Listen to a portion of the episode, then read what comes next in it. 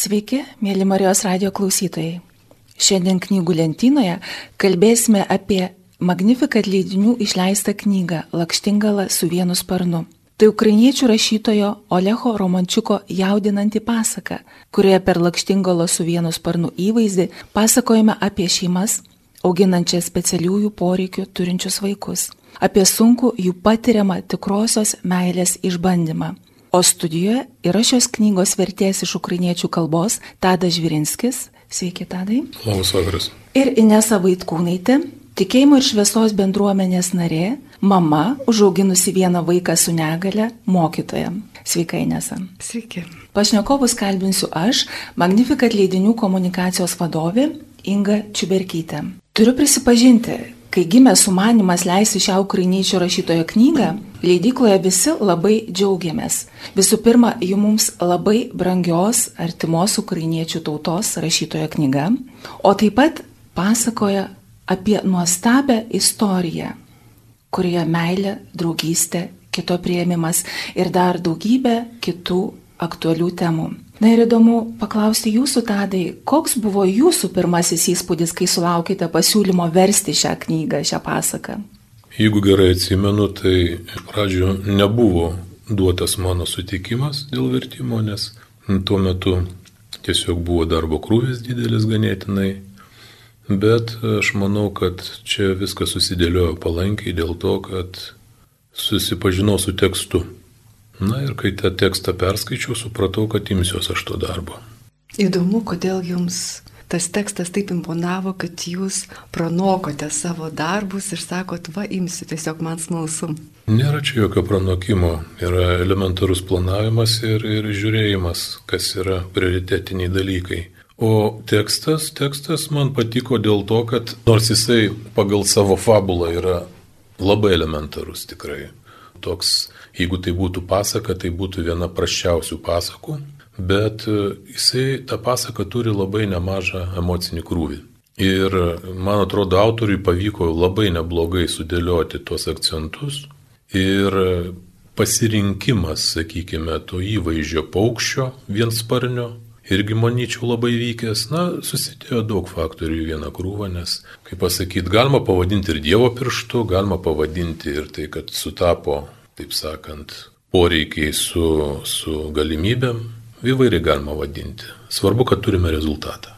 Žinote, aš su jumis labai norėčiau sutikti, nes Olegas iš tiesų yra mano senas draugas. Aš su juo gal prieš 25 metus sustik, buvau susitikusi, mes ilgai susirašinėjome ir mūsų vienijo žmonės su negale. Ir aš iš tiesų labai laukiu šitos knygos ir kai ją pirmą kartą perskaičiau, tikrai, vad kaip jūs sakot, nusivyliau, nes man tai nebuvo grožinės, nutrūko, kažko trūko, kad čia įvardintum kaip, nu, grožinės literatūros kūrinys. Bet kai paskui dar kartą perskaičiau ir skaičiau ją jau ne kaip grožinės literatūros kūrinį, bet kaip kūrinį, kuris turi žinutę, tada mėgindama ieškoti tarp žodžių, kaip ta žinutė yra paslėpta ir būtent žinutė, kaip žmogu, žmonės šeima priima gim, gimusi žmogų su negale. Ir kadangi Olehas yra psichoterapeutas, psichiatras, tai iš tiesų jis labai gerai pažįsta tas visas išgėdėjimo, šeimos išgėdėjimo stadijas. Ir jis pasirinko tą optimistinės istorijos variantą ir papasakojo per paukščius iš tiesų, kaip šeima kuris susilaukia vaiko su negale, kaip jinai gali išgėdėti ir išeiti į pozityvą.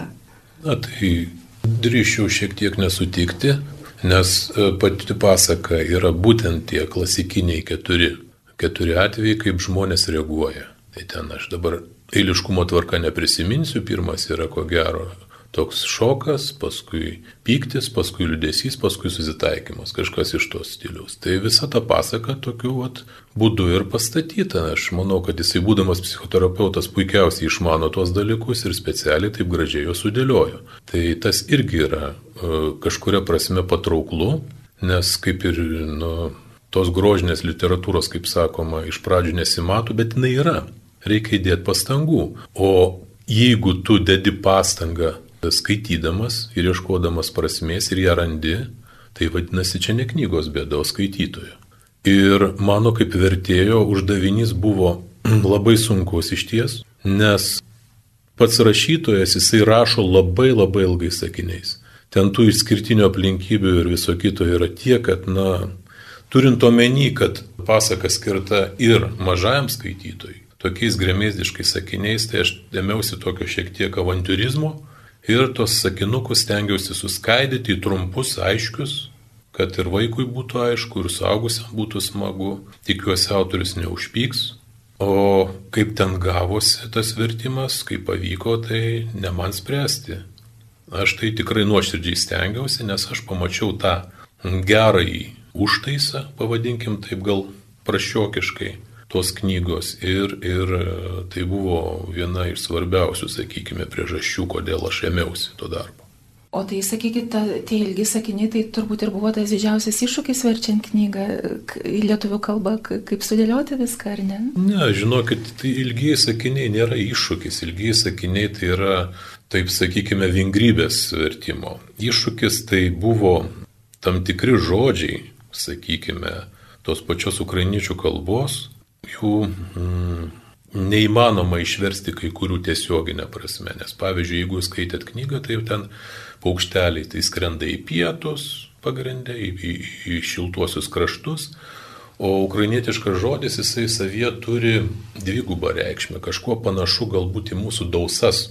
Nes, na, jeigu prisiminsime šiek tiek tą astronomiją, paukščių takas ir taip toliau, buvo tikėta, kodėl ten tas paukščių takas, kad skrenda paukščiai irgi ten tuo taku į dausas. Tai aš tokį vad gražų, sakyčiau, tų dviejų kultūrų baltiškosios ir slaviškosios tokį sąskambį irgi radau.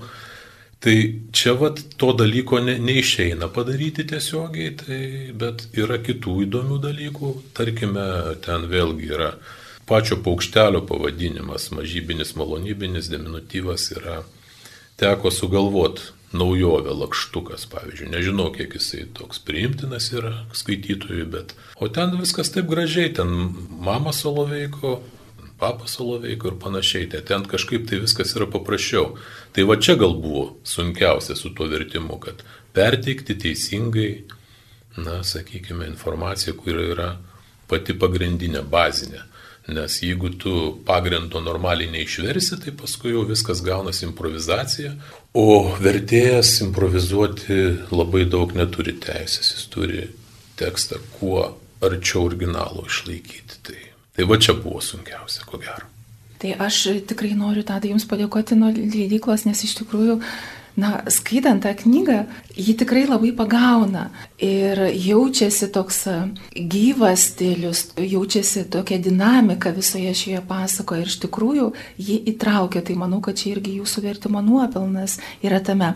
Ir ką norėčiau pasakyti skaitytojams, kad ši pasaka yra iliustruota ukrainiečių menininkės Olenos Hyžos labai gražiamis iliustracijomis, į kurią žvelgiant, kiekvienas vaikas, na, kad ir suaugęs, nes mes sakome, kad tai knyga yra ir mažiems, ir dideliems, gali susikurti savo istoriją, nes tos iliustracijos iš tiesų labai stipriai kalba. Aš dar norėčiau pridėti, kadangi šitą knygą pristatinėjau žmonių su negale grupėse, Arkos bendruomenėje ir, ir Matulai, palaimintų Jurgio Matulaičio socialiniam centre, tai e, pastebėjau, kad nebūtinai vaikams, tai yra žmonėms e, suaugusiems, kurie turi negalę ir kurie, pavyzdžiui, negeba skaityti, jiems nepavyko išmokti skaityti, tai iš tiesų knyga, kurią galima irgi vartyti ir suprasti iš paveikslėlių. Tai, tai vat, tuo, tuo požiūriu irgi ta, tos iliustracijos labai vertingos ir, ir sakau, ne vien tik tai vaikams arba šeimoms pritaikytos, bet jos tikrai puikiai tinka, kaip aš tiesiog išbandžiau, būtent suaugusiems žmonėms su negale, kurie negali skaityti. Kaip nuostabu, na, Olehas yra psichoterapeutas, tai jis tikriausiai viską apgalvojo ir kad tekstas kalbėtų, kad ten būtų na, tokia gili prasme ir kad iliustracijos kalbėtų. Ir kas man dar yra nuostabu, kad Ukrainoje pagal šią pasaką tiesiog mokytojai dirba klasėse su vaikais. Dirba norėdami pristatyti patyčių, kito prieimimo, meilės, rūpešio, globos temas. Ir vaikai labai dažnai tiesiog naudoja meninės priemonės ir tarkim, jie patys piešia lakštingalas, karpo jas, paskui stato spektakliukus. Tai yra, jie yra visi įtraukiami į tą procesą, kad ne tik perskaitytų, bet ir išgyventų kuo giliau lakštingalos su vienu sparnu istoriją.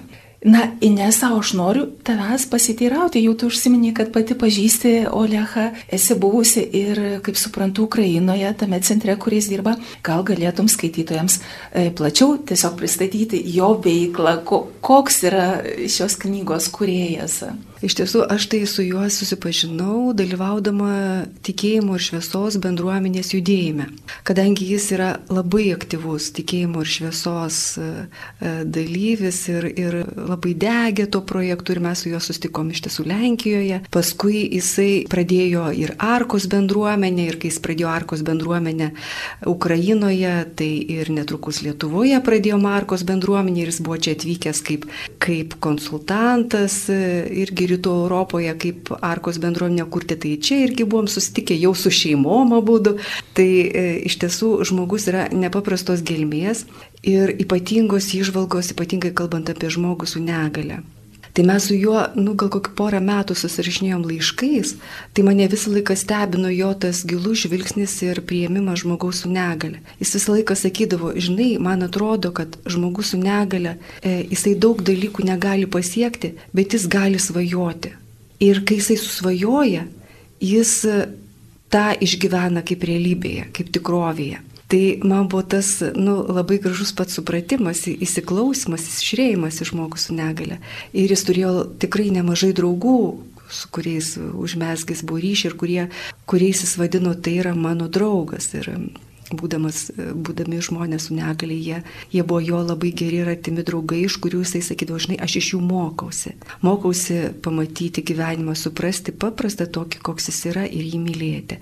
Tai Tai man yra labai gražu ir aš aišku, kai šitą knygą išleidau ir pristačiau ją Arkos bendruomenėje, aš Olegui nusinčiau e, žinutę ir sakau, žinai, va, pristačiau tavo knygą. Ir gavau iš jo labai gražų laišką, aš nežinau, labai norėčiau jį čia perskaityti.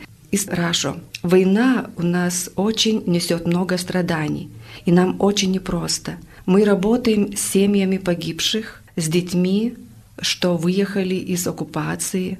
Наши друзья и коллеги тоже проживают потери, и это много-много-много боли.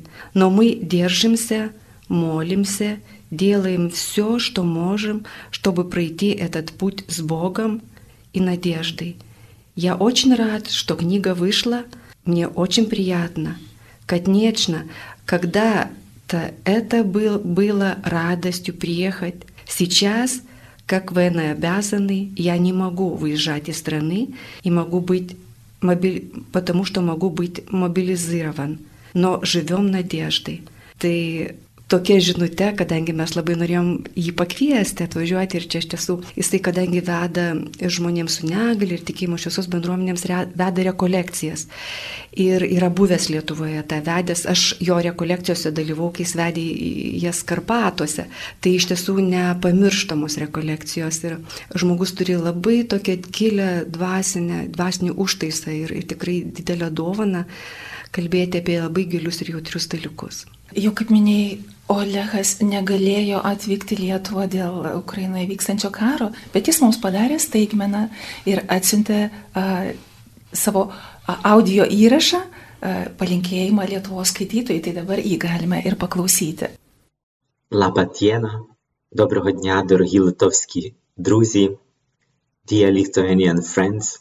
It's great pleasure for me to send you this message from Ukraine and I'm very happy that this fairy tale is published in Lithuanian language. Labadiena, brangus lietuvių draugai. Man didelis džiaugsmas jums siūsti žinutę iš Ukrainos. Esu labai laimingas, kad ši pasaka pasirodė lietuvių kalba. Turiu glaudžių ryšių su jūsų šalimi. Čia gyvena man brangus draugai. Esu čia keletą kartų lankęsis. Jūsų parama, solidarumas, jūsų meilė Mane, kaip ir visus ukrainiečius, labai sujaudino. Esame labai dėkingi už tai. Taip pat labai dėkojame už šios knygos išleidimą lietuvių kalba. Kaipgi gimė ši knyga? Kai aš kūriau programą Ukrainoje, Lvive, skirtą vaikams turintiems specialiųjų poreikių, kaip vaikų psichiatras supratau, kad tėvai yra labai labai svarbus vaikams. Ir jų meilė yra galingiausias vaistas. Aš galvojau, kaip padėti tėvams, kurie augina specialiųjų poreikių vaikus. Mes sugalvojame įvairių veiklų ir per šias veiklas aš išgirdau daugybę tėvų istorijų. Tai buvo jų meilės, kovos, drąsos, atkaklumo istorijos. Vasaros stovyklos metu aš sėdėjau ir klausiau šių tėvų istorijų. Buvau sujaudintas ir įkvėptas pasakojimu. Tai mane labai sujaudino. Taip sujaudino, kad grįžau į savo kambarį ir keletą valandų rašiau pasaką. Ir galiu pasakyti, kad ši pasaka buvo parašyta tėvų. Aš tik radau vaizdinius ir žodžius, kaip perteikti tai, ką jie išgyvena. Kam skirta ši pasaka? Aš manau, kad ji skirta visiems. Pirmiausia, norėjau pasiekti kuo daugiau vaikų. Norėjau jiems papasakoti apie šeimas, kurios augina vaikus su specialiaisiais poreikiais. Norėjau tiems vaikams parodyti, kad šie vaikai, jiems taip pat reikia mūsų paramos, bet mums reikia jų paramos. Kad kiekvienas vaikas turi gabumų, talentų Ir vaikai su specialiaisiais poreikiais taip pat jų turi. Mums reikia jų dovanų, jų talentų. Mūsų draugystė daro mus visus laimingesniais. Ir ši pasaka buvo skirta perteikti šią žinę vaikams. Bet aš galvoju, kad ši pasaka, pasaka yra skirta ir suaugusiems, nes ji pasakoja, kaip mes galime kurti mūsų visuomenę, kaip turime vertinti vienas kitą kaip galime vienas kitą paremti, kad mūsų visuomenė būtų tikrai žmogiška ir klestinti. Ir manau, kad ši pasaka ypatingai skirta tėvams, kurie augina vaikus su specialiaisiais poreikiais, nes, tai yra būdas pažinti jų meilę ir jiems padėkoti, juos įkvėpti, suteikti jėgų. Nes jie kartais susiduria su tikrais iššūkiais ir mes visi turime padėti šioms šeimoms. Kokia pagrindinė šios pasako žinia? Manau, kad yra dvi pagrindinės žinutės. Ji pasakoja, kaip stipriai mes turime padėti vieni kitiems, kai susidurime su sunkumais. Taip pat ji pasakoja, kad mūsų jėga yra mūsų santykiuose, mūsų draugystėje, mūsų šeimose.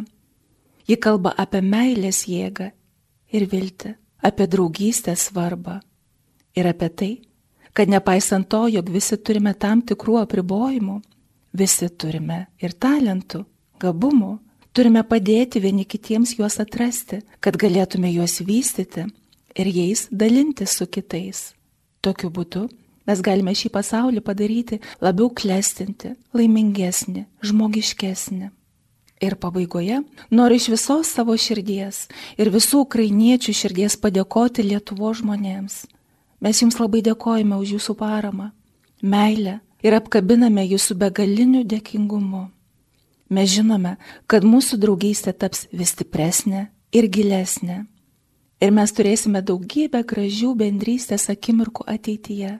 Remsime vieni kitus, dalinsime savo dovanomis, talentais, dainuosime dainas kartu, šoksime, pasakosime istorijas ir tokiu būdu kartu dirbsime kad šiame pasaulyje taptų daugiau taikos, daugiau šviesos ir daugiau meilės.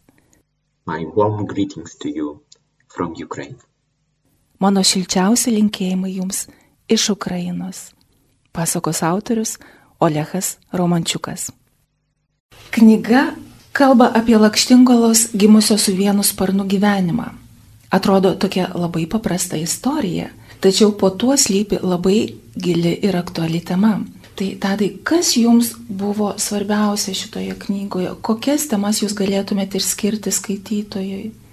Na, kokios svarbiausios temos? Čia jau, jau mūsų dialogė išgirdau atsakymą ir ne vieną, kad tai yra kitokio prieimimas, supratimas, kad e, pasaulis yra margas kaip genys ir kad žmogus, kuris daugumos vertinamas kaip nepilnavertis, kartais gali turėti labai daug privalumų.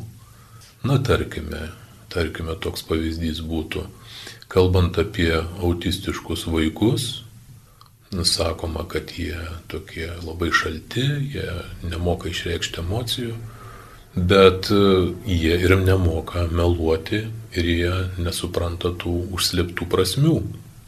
Ta prasme, jie na, kažkokių tai intrigų jie nereks niekada. Jie sako tiesiai išviesiai, ką galvoja. Tai yra, manau, didelė vertybė. Nes tas žmogus yra atviras iki galo. Tai čia irgi reiktų pasimokyti daug, nes e, šio laikinis tas jau tikriausiai reiktų jau ne postmodernistiniu pasauliu vadinto, post-postmodernistiniu arba metamodernistiniu. Tai yra, na, man kaip žmogui, kuris mėgsta tvarką, jis yra daugeliu atveju nemalonus. Ir būtent tas tokios elementarios tvarkos suvokimas, kaip tu reiški tai, kas yra tavo nuomonė tikra, tai yra didelė vertybė, manyčiau. Na, o pati knyga mus moko, gal netiek moko, nes ten tos didaktikos nėra per nelik daug, tai yra daugiau, čia vat reiktų autoriui, prieš autorių kepurę nusijimti ir jam padėkoti, kad jis labai gražiai apžaidžia tą didaktiką ir pristato tai gan patraukliaus pasakojimo būdu apie, reiškia, žmonių, kitokių prieimimą, kaip dabar madinga sakyti, integraciją į visuomenę ir panašiai. Nors vėlgi turiu tokį palyginimą, kalbant apie žmonės su psichinė negale, tai tiesiog mes turėtumėm ko gero vertinti kaip nu taip jau labai jau grubus toks palyginimas, bet e, aiškumo dėliai, kad tarkime, kad ta vadinamoji normalioji, na kabutėse normalioji, visuomenė, tarkime, yra operacinė sistema Windows, ar ne? Ir visi mes Windowsiniai kompiuteriai maždaug pagal tą programą dirbantis. O ten jau kažkoks kitoks žmogus, gal su jisai veikia Linuxo pagalba, ar ne? O Linuxas yra kuom ypatingas ta programa, kad jinai vėlgi grįžtant prie to nemokėjimo meluoti ir reksti intrigų, visi, visos šitos programos, Windowsai, ten ir, ir jų visos variantai, na ką jie daro, jie realiai seka vartotoją, seka jo įpročius, seko jo dienotvarkę, kad paskui galima būtų kažkaip tą vartotoją išnaudoti. O Linuxas yra tiesiog gera operacinė programa, patikima, kuri nekimba, nelūšta ir panašiai. Tai vadinasi didelis privalumas tų žmonių, sakykime, kitokio, yra akivaizdus. O kaip Jūs manote, ar visuomenė yra pasiruošusi priimti, na, kaip gražiai čia pasakėte, tą kitą programą? Ar mes esame tokie atviri, prisipildę meilės, kad priimtume tą kito kitoniškumą? Na, nepainiokim čia meilės ko gero. Meilė čia nieko dėta. Meilė yra toks dalykas, kuris yra emocija ir jis yra labai svarbus, bet kalbant apie prieimimą, tai reikia ne meilės visų pirma, nes meilė, kaip ir dažniausiai santykiuose atsiranda išsirtulioja vėliau. Turi būti tas įsimylėjimas kažkoks, tai pirmas toksai kabinantis dalykas. Ir tas kabinantis dalykas laimė yra jau nežinau, aš kiek, kiek iš savo stebėjimų galiu pasakyti, kad yra geresnė situacija negu jinai buvo, tarkime, prieš metų 20 arba prieš 30. Tikrai geresnė. Ir žmonių pakantumas, supratingumas yra didesnis, nes, na, tenka ir dabar matyti, kad e, žmonės auginančius vaikus su negale patiria daug diskriminacijos. Nepabijokim to žodžio diskriminacijos. Tai yra iš tikrųjų nes yra kaltinami, kad čia jūsų vaikas maždaug nedrausmingas, jisai neišauklėtas, dar kažkoks, tai net nebandant įsigilinti situaciją. Tai, tai yra iki šiol ir tai natūralu, tai neišnyks. Ir čia vertinant tą elgesį, tai yra toks vėlgi matyti nenoras suprasti. Visada žmogus linkęs išlaikyti savo aplinką tokią, prie kurios turėtų derintis jinai, o ne jis. Na ir gaunasi taip, kad jeigu kažkas jau kelia tau diskomfortą automatiškai, tai yra blogai. Nieko panašaus. Gyvenimas, vėlgi pasikartosiu, yra margas kaip genys. Ir vėlgi nepamirškim dar tokio dalyko, kad niekas nuo to nėra apsaugotas. Nors čia žodis apsaugotas yra nevykęs. Visada yra tikimybė, kad e, anksčiau ar vėliau toks žmogus, kuris yra nepakantus, e, sakykime, žmogus su negale, susidurs su ta negale labai iš arti ir panašiai. Tai reikia ir tą turėti omenyje. O dabar grįžtant prie jūsų to gražaus žodžio meilė, tai svarbiausia tai yra ne meilė, o supratimas iš aplinkinių, nes svarbiausia, kad vaikas gautų meilę iš savo tėvų. Iš šeimos turi eiti šitas reikalas. Ir automatiškai, kai iš šeimos jisai tai jaus, jausis, kad ir būdamas kitoks, nes tikrai daug žmonių supranta esantis kitokie. Bet svarbiausia, kad jie nesijaustų nelaimingi. Tai yra labai svarbu. Jisai turi visų pirma ir pats save priimti kaip kitonišką. Manyčiau, čia aš viską savo mintis dėstu, nereikia jų priimti kaip užgrinas tiesas. Bet mano tokia yra kukli nuomonė, kad Svarbiausia meilė iš šeimos, o supratingumas iš kitų. Tai aš su jumis labai sutinku, kad iš tiesų, jeigu šeimoje tėvai yra laimingi, tai ir vaikas bus laimingas. Ir man atrodo, šitoj pasakoj kaip tik ir yra tas momentas, kai tėvai e, su, pamato, kad, kad lakštingala jų sunus gimė be sparno, jie išgyvena, jie jį maitina, jie jo rūpinasi, deda daug pastangų, užmiršta net gėdoti ir būti linksmi. Ir tuo momentu, kai jie priima, kad ta situacija yra tokia, kad jie niekur neišskris, kad atėjus žiemai, jie pas, kad jie pasiliks, nes jie, jiems yra, jie turi tą tėvišką atsakomybę ir jiems šitas be vieno sparno jų sūnus yra labai brangus, jie pasilieka ir jie pradeda gėdoti. Taip gėdoti, kaip niekada dar negėdojo ir tada visi žmonės aplinkui ir, paukščiai nustebo. Plakštingalos negėdojo visą vasarą. Kas atsitiko paukščiams, kad jie šitaip gražiai, jie, jie iš, išgėdojo savo tą ir sielvartą, ir savo tėvystę, ir savo meilės išgėdojo. Ir viską. Ir tada ir paukštis, tas besparnis, jis išgirdo tą giesmę. Ir jis irgi atliepė ir pradėjo gėdoti, ar ne? Ir vat, tada jisai suprato, kad aš galiu Aš negaliu skraidyti, nes aš neturiu vieno sparno, bet aš galiu pakilti į dangų, aš galiu pakilti virš miško su savo giesme, kai jinai kyla iš širdies, ar ne? Aš irgi turiu širdį ir aš galiu taip gėdoti. Vienas dalykas, o antras dalykas, tai aš labai nesutinku, kad meilė yra vien tik emocija. Man meilė tai yra ryšys ryšys ir jeigu mes turime ryšį, žinote, senatvėje aš labai dažnai žiūriu į senukus, į savo senelius atsimenu, kurie suprantate, aš neabejoju, ar ten buvo koks nors jau senatvėje pas, jų, pas jos emocijos didelios meilės, bet pas jos buvo toks ryšys, kuris yra, nu, vat, tai ir yra tikroji meilė, ne emocijos, bet kažkas tokio, kas kas žmogų vienas su kitu susiję ir jiems yra gera būti kartu. Tai, tai vat, čia irgi yra ta, ta pati patirtis, kai tiesiog paukščiai suskrisdavo į medį, kai, žodžiu, klausyti, kaip gėda besparnė lakštingala ir tada atsiranda ryšys tarp jų. Atsiranda ryšys, kur jie sako, mes negalim jau kitą žiemą išskristi be bet šito be, be lakštingalos, be sparnės mes ją turim pasiimti. Ar ne? Ir va tas varyšys užmesga, kad jie išlaiko ryšį, nori palaikyti ryšį su to besparnė lakštingala, pasikabina krepšį, pasigamina krepšį, įdeda į krepšį ir besparnė lakštingala pakyla, skrenda. Jis patiria irgi dangaus skonį. Ir man visą laiką tas toksai, tas toksai e, labai da, irgi žaismė, kuris sakėt, ar ne, ar aš galėsiu pakilti dangų ar ne paukščio toks svajonė, aš norėčiau pakilti dangų, ar ne? Ką mums reiškia?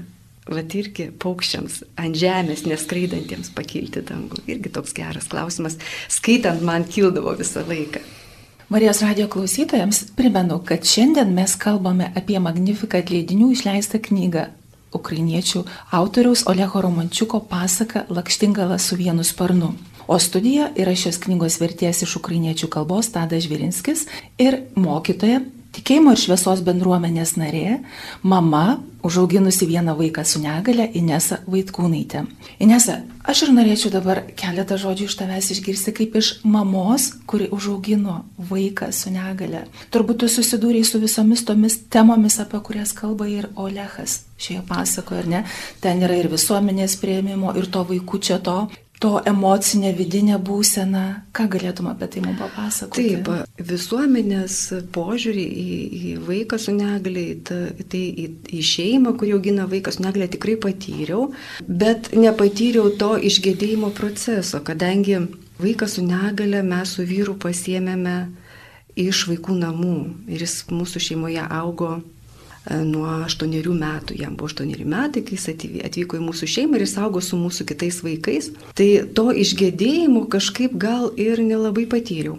Bet e, tai, kad e, kai vykdavo ir apskritai, kai gyveni su tuo vaiku, užmiršti, kad jis yra kitoks ir su juo gyveni normaliai ir staiga, kai tave pakviečia į vestuves, giminaičiai ir sako, tik tai mes nusprendėme daryti vestuves be vaikų. O sakau, bet žinot, aš neturiu kur palikti vaikų. O man sesuo paskui skambina ir sako, tai kaip tu nesupranti, kad vestuves padarė be vaikų todėl, jog nenori, kad tu atvažiuotum su tuo savo vaiku su negale. Nu, ir aš niekad neįsivaizdavau tokio dalyko, kad iš tiesų daug, daug, daug yra iš tiesų giminių, giminių balių, kur e, visi būdavo pakviesti, o mūsų šeima ne.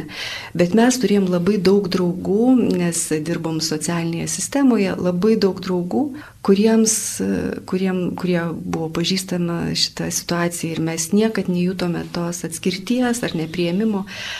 Tai, tai iš tiesų dabar jau mūsų vaikas yra užaugęs, jam 27 metai, jisai pas mus gyveno iki 18 metų ir paskui jisai persikėlė į Arkos bendruomenę, kurią mes su vyru ir, ir, ir pradėjome Lietuvoje. Tai mano vaikai visą laiką labai išdidžiai kalba, kurį reikia prisistatyti mokykloje, kad mes Vat turime, aš turiu e, keturis brolius ir vienas iš jų yra priimtas iš vaikų namų ir jis yra su negale. Ir jie tą sako labai išdidžiai, ne su gėda, ne su kažkokia nedrasa, bet jiems tai yra toks pasididžiavimas, kad mūsų šeima tai vat padarė tokį gražų dalyką, padarė ir, ir jie labai dažnai jau, jau užaugę, sakytų mama, kodėl mes dar nepasimam vaikų iš vaikų namų, būtų smagu jų daugiau turėti. Tai aš galvoju, jūs galėsite tą padaryti. Tai aš irgi labai džiaugiuosi, kad vaikams tikrai liko toks labai teigiamas požiūris tiek į žmogų su negale, tiek į žmonės įsivaikinti, priimti juos iš vaikų namų, kad vaikai mūsų tą suprato ir perėmė, tas, tas yra labai džiugu. Ir dabar iki šiol jisai e, atvažiuoja pas mus Mūsų berniukas yra Deividas, jis atvažiuoja pas mus į svečius ir, ir visi vaikai labai jo laukia ir labai mėgsta ir, ir, ir daug visokių jokų su juo krečia ir jiems labai patinka su juo pokštauti, nes jis, jis mažai kalba, turi gal tik 30 žodžių žodyną, bet, bet viską labai įdomiai moka komunikuoti ir su savo minimaliu žodynu ir, ir tikrai labai yra emociškai labai, labai džiaugsmingas ir, ir tikrai labai smagus žmogus ir kurio mes didžiuojamės, kad jį užauginame. Na, labai graži tavo yra patirtis ir turėdami tokią patirtį, ką tu galėtum patarti, kaip mes turėtume kalbėti žmonėms visuomenė apie vaikus, kurie turi specialiųjų poreikių. Na, kad nebūtų tokių situacijų, kai kažkur taip subtiliai bando pasakyti, ar ne, kad, na, geriau kažkoks renginys be vaikų, ar kad kažkur jie geriau, kad nedalyvautų, kad štai tokių dalykų nebūtų kad jų vis mažėtų ir mažėtų. Aš nežinau, ar jų mažės, nes aš va dabar po 20 metų vėl sugrįžau tikėjimo šviesos bendruomenę ir susirinko šeimos ir aš matau, kad joms kažkas yra kad nepasikė. Man atrodo, kad seniau šeimos, kurios augino vaikus su negale, buvo daug džiaugsmingesnės ir daug atviresnės negu dabar. Nežinau kodėl. Aš dar nesuprantu, aš dar stebiu situaciją ir nežinau, kodėl taip yra. Kad galbūt visuomenė iš tiesų yra atviresnė ir labiau priimanti, bet šeimose ta kažkokia neprieimimo situacija ir žaizda pasilieka. Ir dabar dirbdama mokyklose iš tiesų labai ateina nu, nemažai vaikų, kurie turi įvairiausius tikrai tokius sutrikimus. Ir jeigu vaikas tik su kuriuo yra sunku dirbti klasėje, kuris ten turi įvairių kažkokių sutrikimų, negalių, tai tuoj žiūrėk, kas yra jo šeimoje. Ir dažniausiai šeimoje yra skirybos, arba yra tėvas gyvena viename mieste, vienoje šalyje, mama kitoje šalyje. Ir yra tikrai vaikas su negali išgyvena didelius emocinius, bet koks vaikas. O tuo labiau su negali, jeigu šeimoje nėra sutarimo ir nėra draugystės ir ryšio tarpusavio, jeigu tėvai nesijaučia laimingi. Tai mano pirmiausias didžiausias troškimas tėvams ieškoti būdų, kaip jie kaip jie at, gali atrasti, kad jie yra laimingi, kad jie gali būti laimingi, kad jie yra apdovanoti, kad vaikas yra nėra didžiausia jų nelaimė, kuri atima iš jų laimę, bet ieškoti būdų, kaip tikrai pamatyti, kad šito vaiko buvimas jiems gali būti didelė laimė ir kaip jie gali būti kartu laimingi. Tai stipriausias tikrai, pats didžiausias tikrai dalykas, kad šeima turėtų pamatą laimės ir meilės. Tikrai. Man regis apie tai yra ir Oleho pasaka apie lakštingalą su vienu sparnu, kurią taip stipriai mylėjo tėvai, e, sesuo, o galų gale pamilo ir kiti paukšteliai danguje. Gaila, bet laikas bėga labai greitai ir mūsų laida jau eina į pabaigą. Ir aš turiu vieną paskutinį klausimą jau jums abiems. Kam patartumėte skaityti šią pasaką? Kam jis skirta, na, jūs žinote jos turinį ir, ir atrodo, kaip mes ir kalbam, kad tai yra labai paprasta istorija, kuris lepia labai daug gilių temų. Tai kam patartumėt atsiversti šitą knygą? Tadai, gal jūs tuomet? Visiems, absoliučiai visiems. Čia tikrai yra toks tekstas, kuris e, bus suprantamas ir mažam, ir dideliam. Ir manau, kad išskirti kažko tai kažkokios atskiros grupės neverta. Joba, jūs paminėjot, tikrai knyga yra išleista labai skoningai, labai gražiai, kiti viršeliai, didelis formatas, puikios spalvingos iliustracijos. Tai malonu į ranką paimti. Tai jau pati save knyga savo išvaizdą gyrė ir prašosi būti perskaitoma. Tai aš neišskirčiau nieko kažkokių ypatingų grupių. Jo, aš dar čia prie to e, pagirimo knygai norėčiau pridėti, kad tai iš tiesų nėra ta tokia pramoginė knyga, bet iš tiesų knyga ta kaip seniau mes įpratę, ar ne, su gražiom iliustracijom, kuria tiesiog ne, nešokiruoja tave, bet, bet veda kur nors.